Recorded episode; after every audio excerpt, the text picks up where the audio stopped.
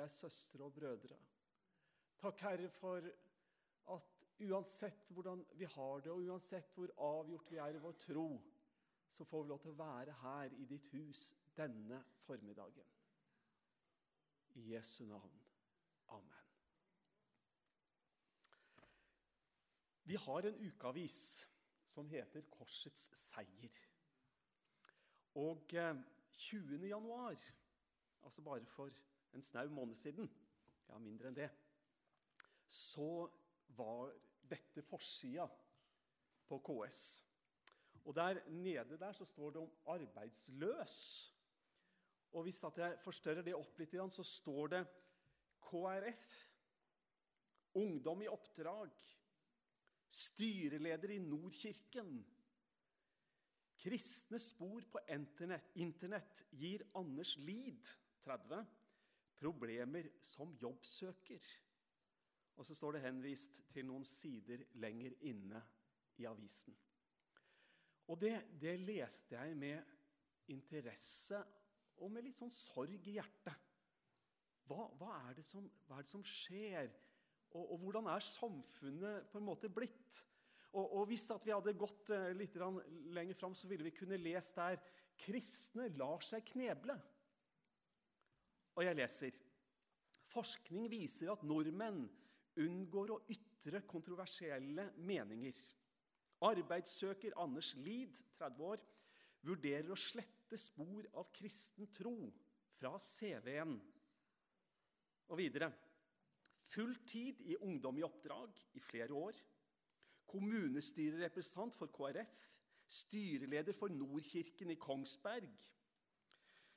Jobbsøker Anders Lidd har lang fartstid i kristen tjeneste.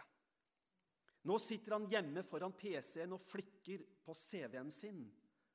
For et halvt år siden mistet han jobben i et oljeteknologifirma.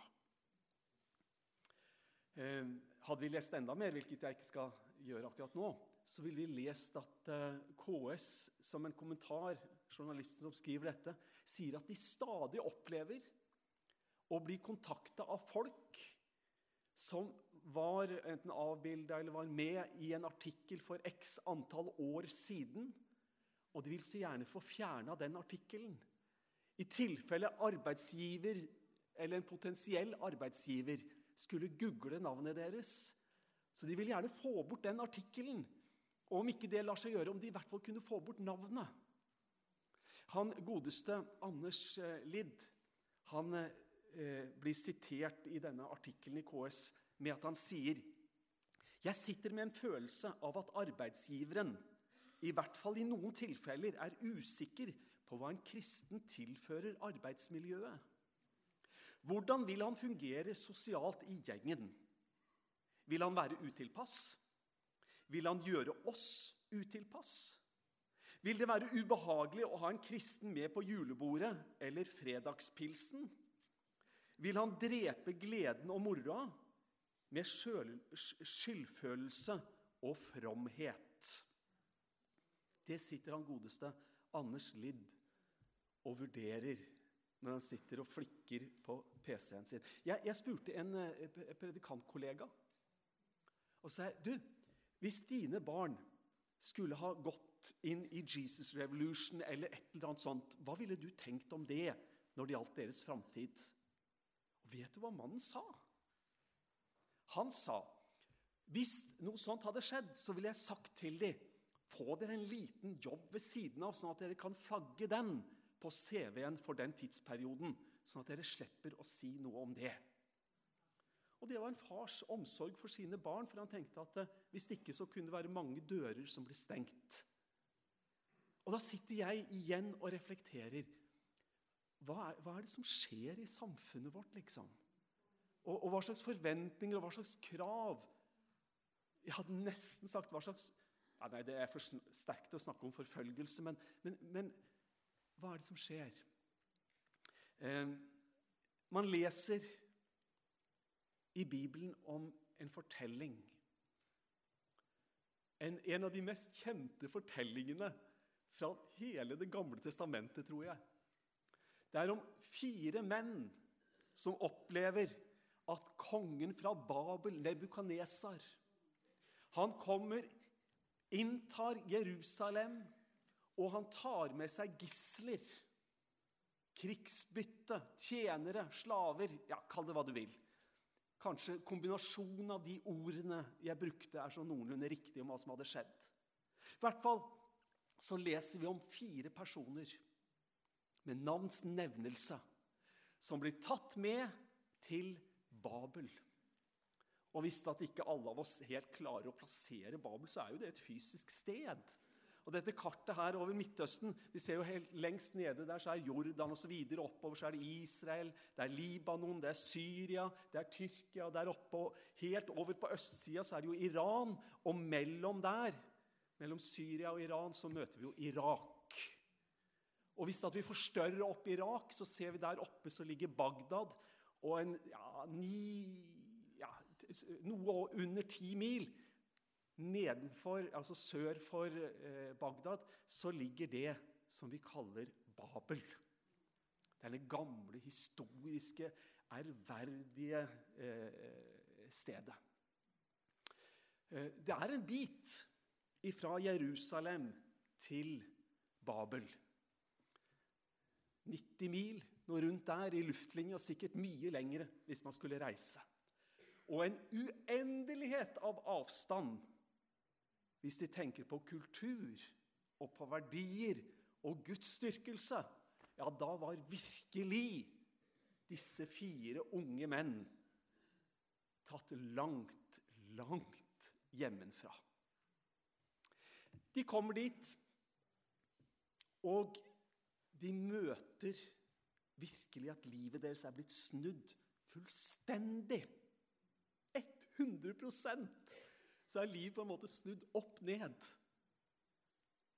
Og det er helt annerledes tilværelse for dem. Navnene deres, alle navnene som de hadde, de var med på å ære den Gud som de trodde på. Og så leser vi at hoffmannen, eller hoffsjefen, ga dem nye navn. Daniel kalte han Beltsasar. Hananya kalte han Shadrach. Misjael kalte han Meshach, og Asarja kalte han Abednego. Og det var navn med fullstendig ny mening. De, de, de, som tidligere hadde hatt navn som var med på å ære Gud, f.eks. Daniel 'Gud er min dommer', det ble til Beltsasar. Hananya, det betydde 'Herren er nådig'. Mishael, det betydde 'Hvem er som Gud'? Og Asarja betydde 'Gud har hjulpet'. Og så fikk de hedenske navn. Eh, man kan nok diskutere en del hva de nye hedenske babylonske navnene betydde. Og Der kan du lese nokså forskjellige forklaringer av, hvilken bok du slår opp. Men alle har én ting til felles. Det var navn knytta til avgudsdyrkelse. Til måneguder og andre guder. Altså, de, de, de kommuniserte akkurat det motsatte av hva de tidligere hadde vært opptatt av å identifisere seg med og løfte fram. Men det virker som at de fant seg i det.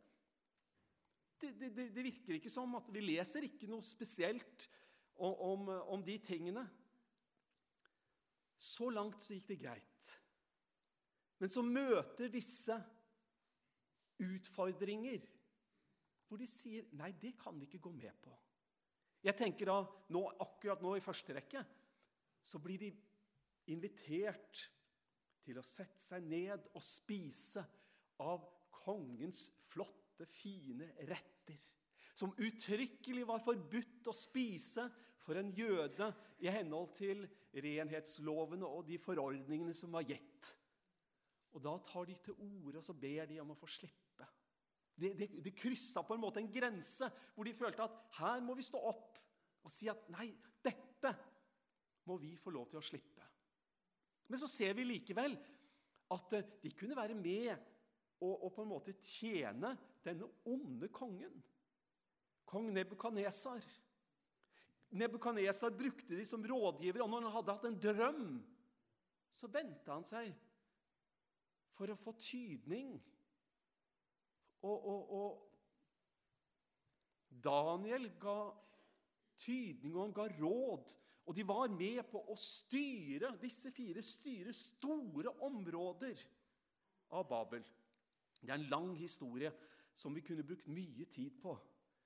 Spennende fortellinger. Lærerike fortellinger. Men uansett, det er ikke det vi skal gjøre nå. Men vi ser at noe sa de nei til, men likevel så var de med i denne verslige kultur. Og de fant på en måte sin plass, og de var med og tjente under denne onde kongen. Men på samme måte som at de ikke ville spise det som for de var galt, så ser vi at de måtte si nei når kongen reiste denne enorme statuen, eller hva det nå var, og beskjeden ble gitt, ja, sånn som det ble spesifisert Når dere hører lyden av horn, fløyte, sitar, harpe, lutt, sekkepipe og alle andre slags instrumenter Når dere hører det, da skal dere falle ned og tilbe gullstatuen kong Nebukadnesar har reist. Og så er skarene samla. Og så fortsetter advarselen.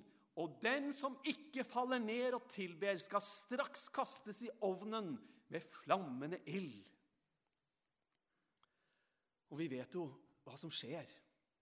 Lyden høres, musikken spiller opp. Folket kneler ned.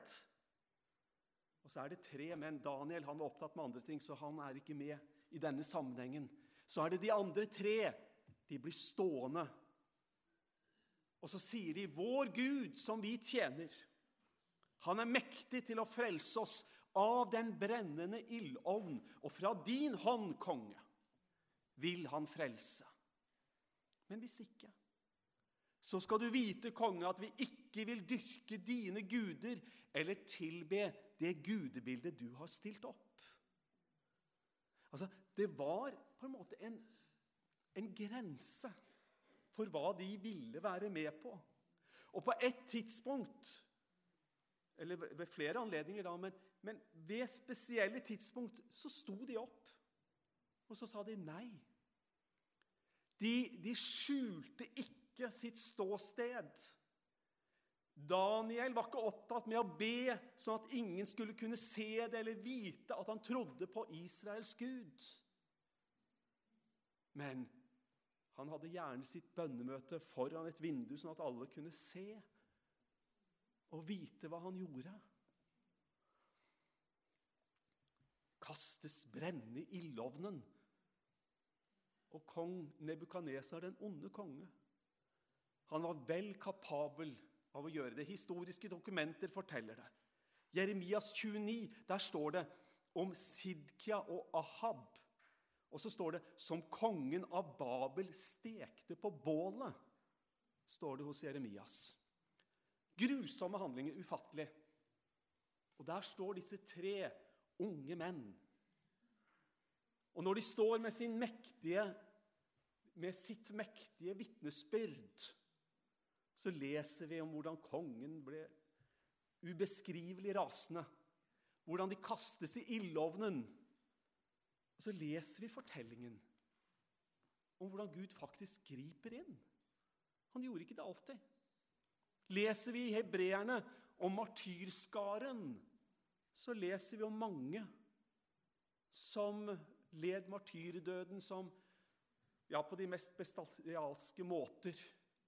Men i dette tilfellet Gud griper inn, og Nebukadneser står, og han ser og han ser. Og han teller og teller. Var det ikke tre vi kasta inn? Jo, men jeg ser fire. Og den fjerde, han Ja, de går rundt der. Og den fjerde ser ut som en gudesønn. Altså, Gud grep inn.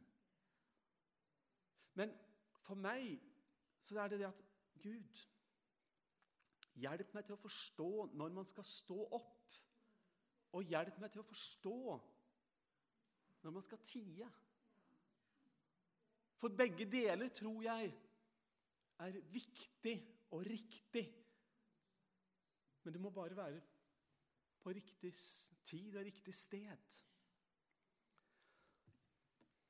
Natt til onsdag 1. februar så ble Kjell Benjaminsen og Erik Skjelnes via i Eidskog kirke. Ehm, det flertallet på kirkemøtet som på mange måter omdefinerer hva, hva et ekteskap på en måte er. Og dere, når jeg møter ikke-kristne, hvis det er på en skole og møter skoleungdom Hvis jeg møter en journalist Det er helt merkelig, altså, men de er så interessert i å vite du, Hva mener dere om homofili? Og, og Sist jeg fikk det spørsmålet, så sa jeg at vet du hva? Jeg liker ikke å svare på det spørsmålet. For jeg føler at du er bare ute etter å sette meg i en bås. Du er ikke interessert i det hele tatt å vite om hva jeg mener om homofilispørsmålet. Du har bare behov av å plassere meg i en bås, så vet du hva du skal mene om meg, og hva jeg måtte representere. Så jeg liker ikke å svare på de spørsmålene i hele tatt. Det pleier jeg å si til skoleungdom også. Men så legger jeg til men selvfølgelig forstår jeg at, at, man, at det er et aktuelt og et relevant spørsmål, og at man spør om det. Eh, det er et par ting om Jesus. Ja, nei, Det er en uendelighet av ting. Men, men, men, det er et par ting som, som jeg tenker på som jeg syns er så rart. Jeg syns det er så rart at Jesus synes det er ålreit å være sammen med mennesker sånn som er som meg. Og Vi ser det når han, når han var her nede. Altså, Såkalte syndere og tollere. Altså, Jesus, jeg tror Jesus hadde det ålreit når han var sammen med dem. Jeg tror ikke For han så var det et sånt kjempeoffer. Åh, jeg får ta en, en, en, en kveld sammen med disse her elendige menneskene. Fordi de trenger å få høre. Jeg får gjøre det som en barmhjertighetsgjerning, for de må få høre, de òg. Så jeg får orke å være noen timer sammen med dem. Jeg tror ikke Jesus var sånn. Jeg forestiller meg at Jesus satt og lo og prata og opplevde et kjærlighetens fellesskap med disse menneskene. Og Jeg syns det er så rart at Jesus kan trives sammen med mennesker som meg. Men det andre som jeg syns er så rart, det er at jeg synes det er så ufattelig at jeg kan trives sammen med Jesus. Det syns jeg også er ubegripelig. Han som er den fullkomne, allmektige, hellige, rene. Så helt annerledes enn hva jeg er i meg selv. Og så opplever jeg at det er én plass jeg har lyst til å være. Og det er i hans nærhet. Det syns jeg også er veldig rart. Men jeg tror begge deler er på en måte sant. Og den båsen som vi av og til skal settes inn i, den har ikke den dimensjonen med seg. Det er en dimensjon om bare om hva som er rett og galt, og, og, og, og mister det som jeg tror vi som frelste og, og, og, tilgitte syndere opplever som så uendelig viktig. Nemlig Jesu tilgivende, kjærlighetsfulle nåde. Du, det er jo en del ting jeg ikke har problemer med. Rus har ikke jeg noe problem med. Jeg vet egentlig ikke hva det er. Men Jeg skal ikke dvele med det. men, men jo, jeg, jeg, jeg, har sett dessverre altfor mye av hva det kan gjøre, så jeg vet en del om hva det er. Det gjør jeg. Men personlig så, så har jeg ikke noe greie på det. Og, og det er ingen fristelse altså, Jeg har ikke noe problem med akkurat det. Eh, og jeg kunne helt sikkert ha funnet en del andre ting som jeg ikke har problemer med også. Penger, derimot, der tror jeg ikke jeg er noe bedre enn folk flest. Jeg er redd for det. altså. Der, der kjenner jeg de samme ønskene som kanskje de aller fleste har. At liksom, penger er fint å ha. Ja, Det er jo ikke noe galt i seg selv, men, men, men Men altså, vi, vi har områder hvor noen er sterke og noen er svake osv. Altså, unnlatelsessynder, det er jeg dårlig på. Det er jeg veldig dårlig på. Jeg vet så mye godt jeg kunne ha gjort. Og Hvis jeg setter meg ned og skulle skrive en liste om hva jeg kunne gjort av gode ting i går, så er jeg redd jeg kunne ha skrevet en god del ting som jeg ikke har gjort. Der er jeg skikkelig dårlig. Um, og, og sånn kunne vi holdt på. Og midt i det så får jeg stå her i dag og si at vet du hva, jeg har så god samvittighet. Så jeg graver meg ikke ned i disse tingene. Men, men jeg kjenner at jeg er omslutta av Guds nåde og Guds kjærlighet. Og, og jeg synger av hjertet ren og rettferdig, himmelen verdig. Og om jeg skulle være ute på en kafé og sitte der sammen med en tidligere rusmisbruker, så har jeg ingen problemer med det. Om jeg skulle sitte på en kafé sammen med eh, sammen med en ekteskapsbryter, og jeg har møtt en del av de også, ja, så har ikke jeg noe problem med å sitte på en kafé sammen med, med vedkommende. Ikke i det hele tatt. Eh, skulle, jeg, skulle, jeg, gå ut på kafé sammen med en homofil Kjære deg, jeg tar deg gjerne en kopp kaffe, jeg. Særlig hvis jeg får marsipankake inntil. Du, skulle jeg, skulle, jeg, skulle jeg, blitt invitert med på kafé sammen med en som er dømt for økonomisk kriminalitet? Ja, kjære deg, jeg sitter da gjerne der. Og du, jeg, jeg kunne ha ramsa opp. Og de som absolutt skal ha meg inn i den båsen,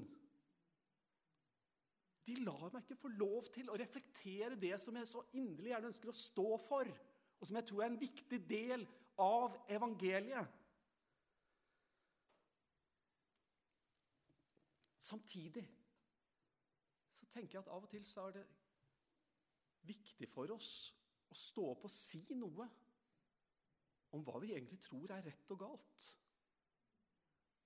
Og jeg tenker det, det må være ikke bare lov, men det må være en plikt å kunne si noe når folk spør hva tenker du om det og Hvis noen spør meg hva jeg tenker om ekteskapsbrudd, så svarer jeg gjerne på det. Og Hvis noen spør meg hva jeg mener om tjuveri og ljuging, så svarer jeg gjerne på det òg. Og Hvis noen spør meg om hva jeg mener om homofilispørsmål, så sier jeg også at jeg tror det er galt å leve sammen i likekjønna ekteskap. Og Det verste med den ekteskapsloven og de nye ekteskapsritualene er ikke for så vidt for min del hva to voksne, selvstendige mennesker velger å gjøre. Men jeg har lyst til å si, selv om det, blir sett på som ja, det det er noe av det verste du kan si, så jeg har lyst til å si at jeg tror at barn har best av å vokse opp sammen med mor og far. Så kan de si hva de vil, og så kan de kalle meg hva de vil, men det tror jeg av hele hjertet. Og det å bruke en del av de tingene som skjer i dag, som en brekkstang der man sier at to mødre er akkurat like bra som mor og far, og to fedre er akkurat like bra som mor og far, osv. osv. For meg er det bare en selvmotsigelse av termer. Og jeg tror ikke det er tilfellet. Selvfølgelig så er jeg ikke i tvil om at i mange tilfeller så kan to menn eller to kvinner være et mye bedre omsorgspar enn en gal mor og far som plager sitt barn. Selvfølgelig. Det er jo ikke der det ligger. Langt, langt, langt derifra. Men man må kunne si noe prinsipielt om prinsipielle spørsmål.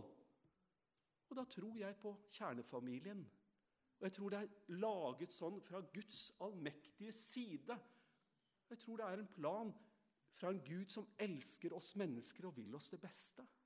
Men det er jo ikke et spørsmål om om vi skal få alle syndere ut av Guds menighet. Det er et spørsmål om hva vi tror er rett, og som hva vi tror er best. Og jeg tenker at det er flott at mennesker skal kunne få lov til å vokse i helliggjørelse. At mennesker skal få lov til å få tid til at Gud skal vinne skikkelse i dem. Og vet du hva? Jeg tror jeg har ting i min karakter som kanskje ikke Gud blir ferdig med før jeg er hjemme og alt det ufullkomne byttes ut. Sånn kan det være med deg òg. Men, men, men, vi skal få lov til å være i en menighet. Det er en gang som jeg kan huske, og det er mange år siden, at noen ville støte ut en som var homofil fra den menigheten jeg da hadde innflytelse på.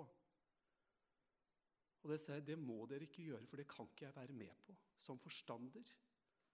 I dette tilfellet Jeg kjente gutten. Jeg visste hva han hadde gått igjennom av overgrep som lite barn. Jeg kjente den godt. Og nå, nå, nå var noen samla med lederinnflytelse sa han må støtes ut av menigheten. Og jeg sa nei. Det er jeg ikke med på. Da får dere ta og gjøre det når jeg har slutta. Eh, for, for, for, det er ikke snakk om bare liksom å fordømme og tråkke folk ned. Men samtidig det er snakk om at vi tror noe er best, og det er noe som er rett, og det er noe som Gud har sagt.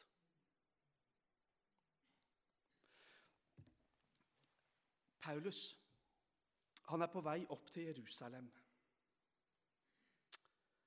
Vært på en lang reise. Stopper han i Cesarea, rett nord for, Haif, eh, for Tel Aviv. Så stopper han der, besøker evangelisten Philip. Jeg er ikke helt sikker på hvorfor det står det, men det står at Philip hadde fire ugifte døtre som hadde profetisk gave. Så de hadde sikkert en flott kveld. Han var der. Og, og, og så skjer det noe. Profeten Agapus kommer og, og eh, gjør en profetisk handling. Og så sier han, 'Så sier Den hellige ånd' Slik skal jødene i Jerusalem binde den mannen som eier dette beltet, og utlevere ham til hedningene. Da vi hørte dette, ba vi ham, både vi og de som bodde der på stedet, at han ikke måtte dra opp til Jerusalem. Men Paulus svarte, 'Hvorfor gråter dere og knuser mitt hjerte?' 'Jeg er beredt, ikke bare til å bli bundet, men også til å dø i Jerusalem for Herren Jesu navns skyld.' Det er bakgrunnen. Og til slutt Jeg, jeg ser klokka går. Jeg skal prøve å ta det. Nå er jeg ferdig med innledningen. Nei, ja, det, er, det, er, verre enn det ikke, det er ikke fullt så gærent. Eh, eh, Paulus er på vei opp dit. Han får klar beskjed om at det venter forfølgelse. Men han skal opp. Så kommer han opp der, og han kommer inn i Jerusalem. Og han går inn i tempelet. Og så er det noen som kjenner han igjen, kjenner hans historie. Og de hisser opp hele folkemengden, og de griper fatt i Paulus. Og det står de ville slå han i hjel. Jeg tror i det minste så rakk de å gi han skikkelig bank. Og de, de, Målsettingen er helt klar. Ta livet av Paulus. Så kommer den romerske si, soldater og vakter stormende inn, for det er fullstendig kaos. Hele tempel, tempelplassen og områdene rundt. Folk står og skriker og roper og er i ferd med å lynsje Paulus. Vaktene de kommer, de får dratt Paulus løs og, og, og liksom får han litt unna. Og når han kommer opp der mot trappene oppover der, så, så får han stilna. Og så får han snakka litt med disse vaktene. Og så sier han 'Jeg har noe jeg må si'. Og så får han lov til det, da. Han får lov til å si noe, og, og han, han gjør tegn, og så blir det stille. Helt stille. Og så begynner han å tale til dem. Han begynner å snakke. Han sier, 'Brødre og fedre, hør på det jeg har å si til mitt forsvar.' Og så står det helt blikkstille. Folk hører. Og så begynner han. 'Jeg er jøde, født i Tarsus.' Oppfostra i denne byen, sittet ved Gamaliels føtter Og Gamaliel, han kjente de. Sittet der og blitt undervist, opplært etter de strengeste kravene i den lov som vi har fra fedrene. Og jeg var nidkjær for Gud, som dere alle er. Så begynner han å fortelle om denne veien, som var det de kalte de som fulgte veien, de som fulgte Jesus. Denne veien forfulgte jeg til døden, sier han. Jeg bandt og kasta i fengsler både menn og kvinner. Det kan både ypperstepresten og, og, og, og brødrene der det kan de bevitne, hele Eldsterådet. Av dem fikk jeg også brev med til brødrene i Damaskus. Og jeg reiste dit for å føre dem som var der, i lenker til Jerusalem, for at de skulle bli straffa. La meg sitere. Men da jeg var på veien og nærmet meg Damaskus, da strålte plutselig ved middagstider et sterkt lys fra himmelen om meg, og jeg falt til jorden og hørte en røst som sa, 'Saul, Saul, hvorfor forfølger du meg?' Jeg svarte, 'Hvem er du, Herre?' Han sa til meg, 'Jeg er Jesus fra Nasaret, han som du forfølger.' De som var med meg, så lyset, men røsten av, som, av ham som talte til meg, hørte det ikke. Og jeg sa da, 'Hva skal jeg gjøre, Herre?' Og Herren sa til meg, 'Reis deg opp og gå inn i Damaskus.' 'Der skal det bli talt til deg om alt det som er bestemt for, at du skal gjøre.' Mer skal jeg ikke sitere akkurat nå, men helt stille. Så går Paulus videre. Paulus forteller hva som skjedde der i tempelet bare for et lite øyeblikk siden.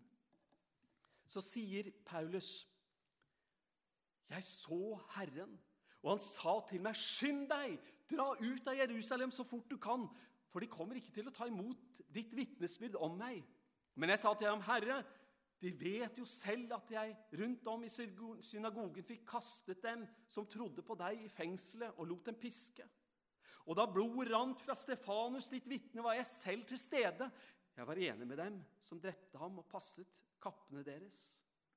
Men Herren sa, 'Dra bort herfra, for jeg vil sende deg ut til hedninger langt borte. Og nå har Paulus gjort den store tabben.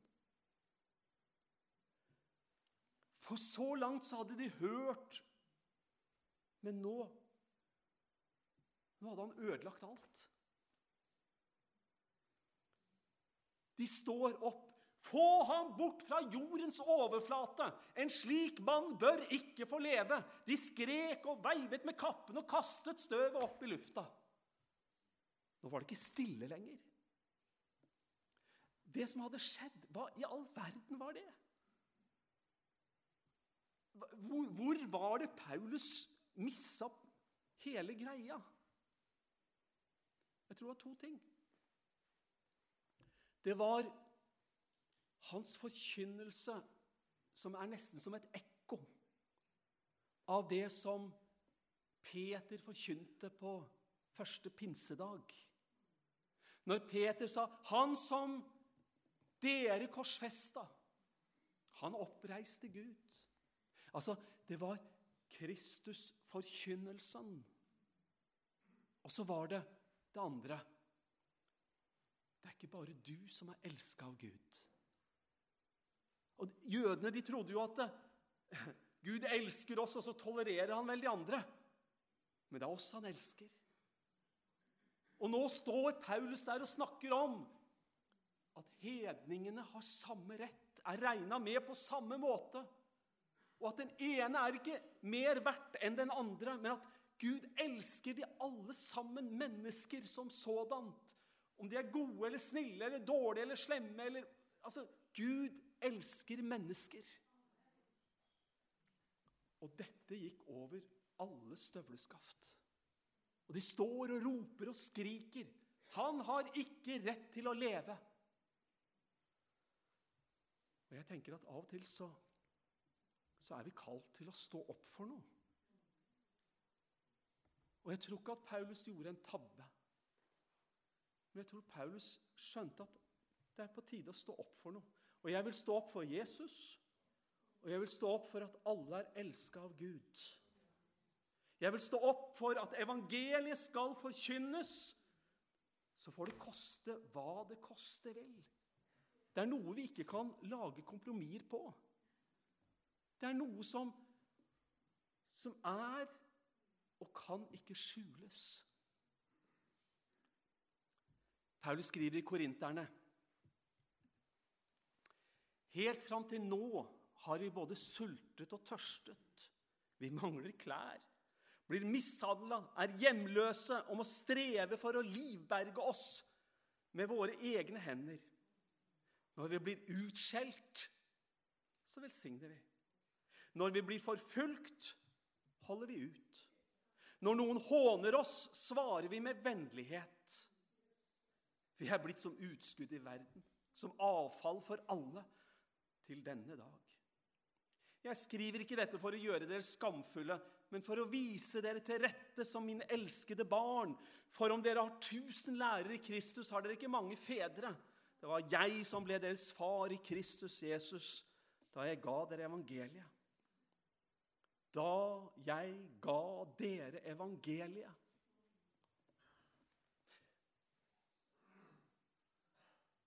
Det er noen ting som er verdt å slåss for.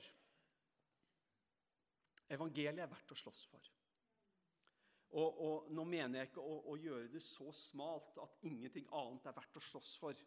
Da misforstår du hva jeg mener. Men du, la meg gjenta det allikevel når du forstår det i riktig mening. Evangeliet er verdt å slåss for. Apostelen Apostlene de blir arrestert. Apostlenes gjerninger 5. De blir dratt inn, forhørt, piska. Torturert.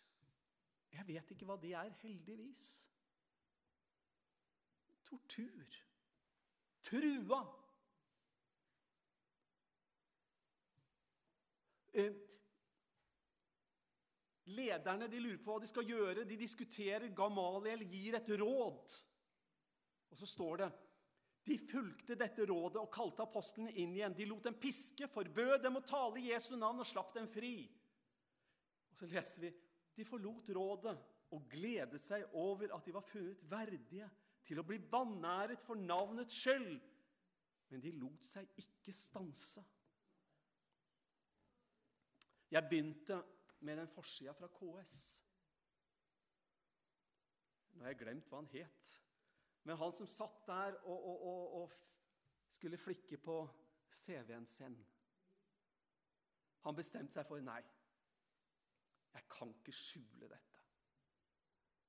Jeg kan ikke skjule at jeg har vært aktivt i kristne sammenhenger. Jeg kan ikke ta det bort. Så han lot det stå. Men jeg tenker Noen ganger skal vi tilpasse oss, som Daniel gjorde. Noen ganger skal vi stå opp for det som er rett. Og det er én ting som ikke skal være styrende. Det er én ting som er så lett at vi lar være styrende, som aldri må være styrende. Og det er dette ordet frykt. Frykt. Og jeg tror det binder oss mange. Jeg tror det binder oss predikanter og ledere vi er redde for hva, hva vil journalister si, hva vil folk si, hvordan vil det oppfattes? Og så lar vi frykten råde. Jeg vet ikke hvordan Daniels tre venner følte det når de ble dratt bortover mot ildovnen. Menneskelig sett så var de veldig, veldig redde. Det er ikke sikkert de var det, men menneskelig sett så var de det. Men de sto allikevel. De lot ikke frykt være styrende for deres valg. Men jeg vet hva som skal være styrende. Det er det motsatte av frykt. Ja, om det er det motsatte, vel. Men noe annet, i hvert fall. Det som skal være styrende for oss, det er det som er størst av alt. Det er kjærlighet. Og hvordan kjærligheten får sitt uttrykk, er ikke bare i vårt følelsesliv. Men kjærligheten styres av hva Bibelen, Guds ord, sier til oss. Så får vi lov til å ta dette inn, og så får vi lov til å se at vi får leve med en mening og med en kraft og med en integritet som jeg tror egentlig er det som så mange trenger. Kjære Jesus, hjelp oss til å leve rett, og hjelp oss til å la kjærligheten råde ut ifra våre liv. Hjelp oss til å ta oss av hverandre. Og Herre, takk for din nåde imot meg. Takk for din nåde imot oss. Takk, Herre, for at du vil være hos oss. Og takk for at du er sånn at vi vil være hos deg. Amen.